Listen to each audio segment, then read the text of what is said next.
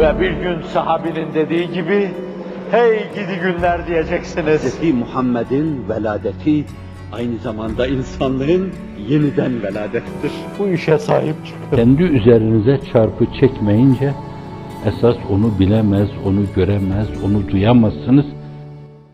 Kendini dabbağın derisi gibi yerden yere vurmayan makuliyeti bir yönüyle akliliği, mantıkiliği yerden yere vurur hiç farkına varmadan. Öyle bir zavallaşır ki tarihin sayfalarında yerden yere vurulur. Mahşerde yerden yere vurulur. Bu türlü olumsuzlukları yapanlar da yarınsız insanlardır. Yarını yok bunların. Kella bel tuhibbûnel acile ve tezerûnel ahire. Yestahibbûnel hayâted dünya alel ahire. Dünyevi makamlarını, mansıplarını, konumlarını, zırhlı arabalarını, gümüş kaplamalı banyolarını koruma adına böylesine tepe taklak.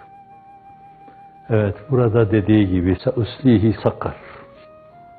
Tepe taklak cehenneme yuvarlanmayı göze alıyorlar. Hiç farkına varmadan çarptarak. Bu açıdan da bence bu inhiraflar karşısında paniğe kapılmamak lazım. Gözle büyütmemek lazım. Meseleye bir karakter, yalancı insanın işi, velit işi diyebilirsiniz buna. Utve işi diyebilirsiniz, şeybe işi diyebilirsiniz, Ebu Cehil işi diyebilirsiniz. Evet, hep ölü olmuş. Yani mahsı böyle şifaya olan reçeteler bir yönüyle bazılarının hastalıklarını azdırmış gibi. Böyle tabiatları öyle. Bazılarını şirazeden çıkarmış. Hafizan Allah. Ayetler indikçe bazıları delirmişler yani. E, her ayetin inişiyle de yani daha ilk ayetlerin inişiyle temiz fıtrat, ön yargısız fıtrat, Hazreti Ebu Bekir gibi abide şahsiyet, Allah bizi ona bağışlasın. Cenab-ı Hak ayağının altına başımı koymayı, siz de var mısınız? Başımızı koymayı müyesser kılsın inşallah. Evet, onu bekliyorum ben. Onun, Ömer'in, Osman'ın, Ali'nin elfe merratin Allah onlardan razı olsun. Veya elf elfi merratin. Bin, bin defa, milyon defa Allah onlardan razı olsun. Ayaklarının altına başımı koyacağım an, iştiyakla beklediğim andır. Elini göğsüne götürdü, bana dedi yani o. Birisi öyle dedi.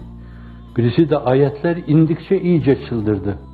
13 sene sağanak sağanak Mekke zeminine ayetler indi. Ve onlar da bunu gördüler. Belki vicdanlarını böyle salim duygularla dinledikleri zaman ifade ettikleri gibi Ebu Cehil biliyorum yalan söylemiyor bu adam. Fakat Mekke'nin bakımı görümü bizde bir de kalkıp bu Haşimoğulları aynı zamanda peygamber de bizde ben bunu sindiremem.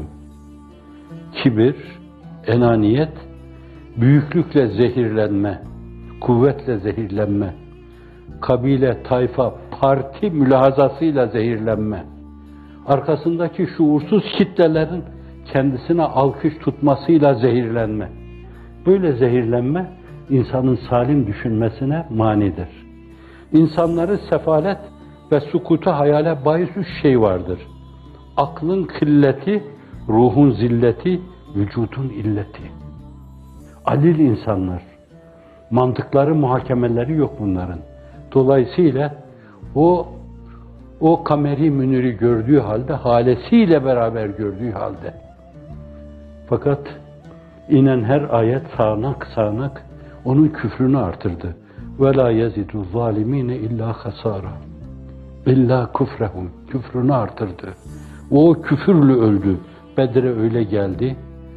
Kadınlara raks ettirdi. Er Risale ve Çağrı'da gördüğünüz gibi raks ettirerek geldi. Medine'de onların işi bitiktir dendi. Kimin işinin bitik olduğunu Allah gösterecekti. İşleri orada bitti. Sinesinden yediği bir mızrakla Kalibi Bedre yuvarlandı. Allah Resulü hel vecettum ma vaade rabbukum hakka buyurdu. Biz Allah'ın vaad ettiğini bulduk. Siz de Allah'ın vaad ettiğini buldunuz mu dedi.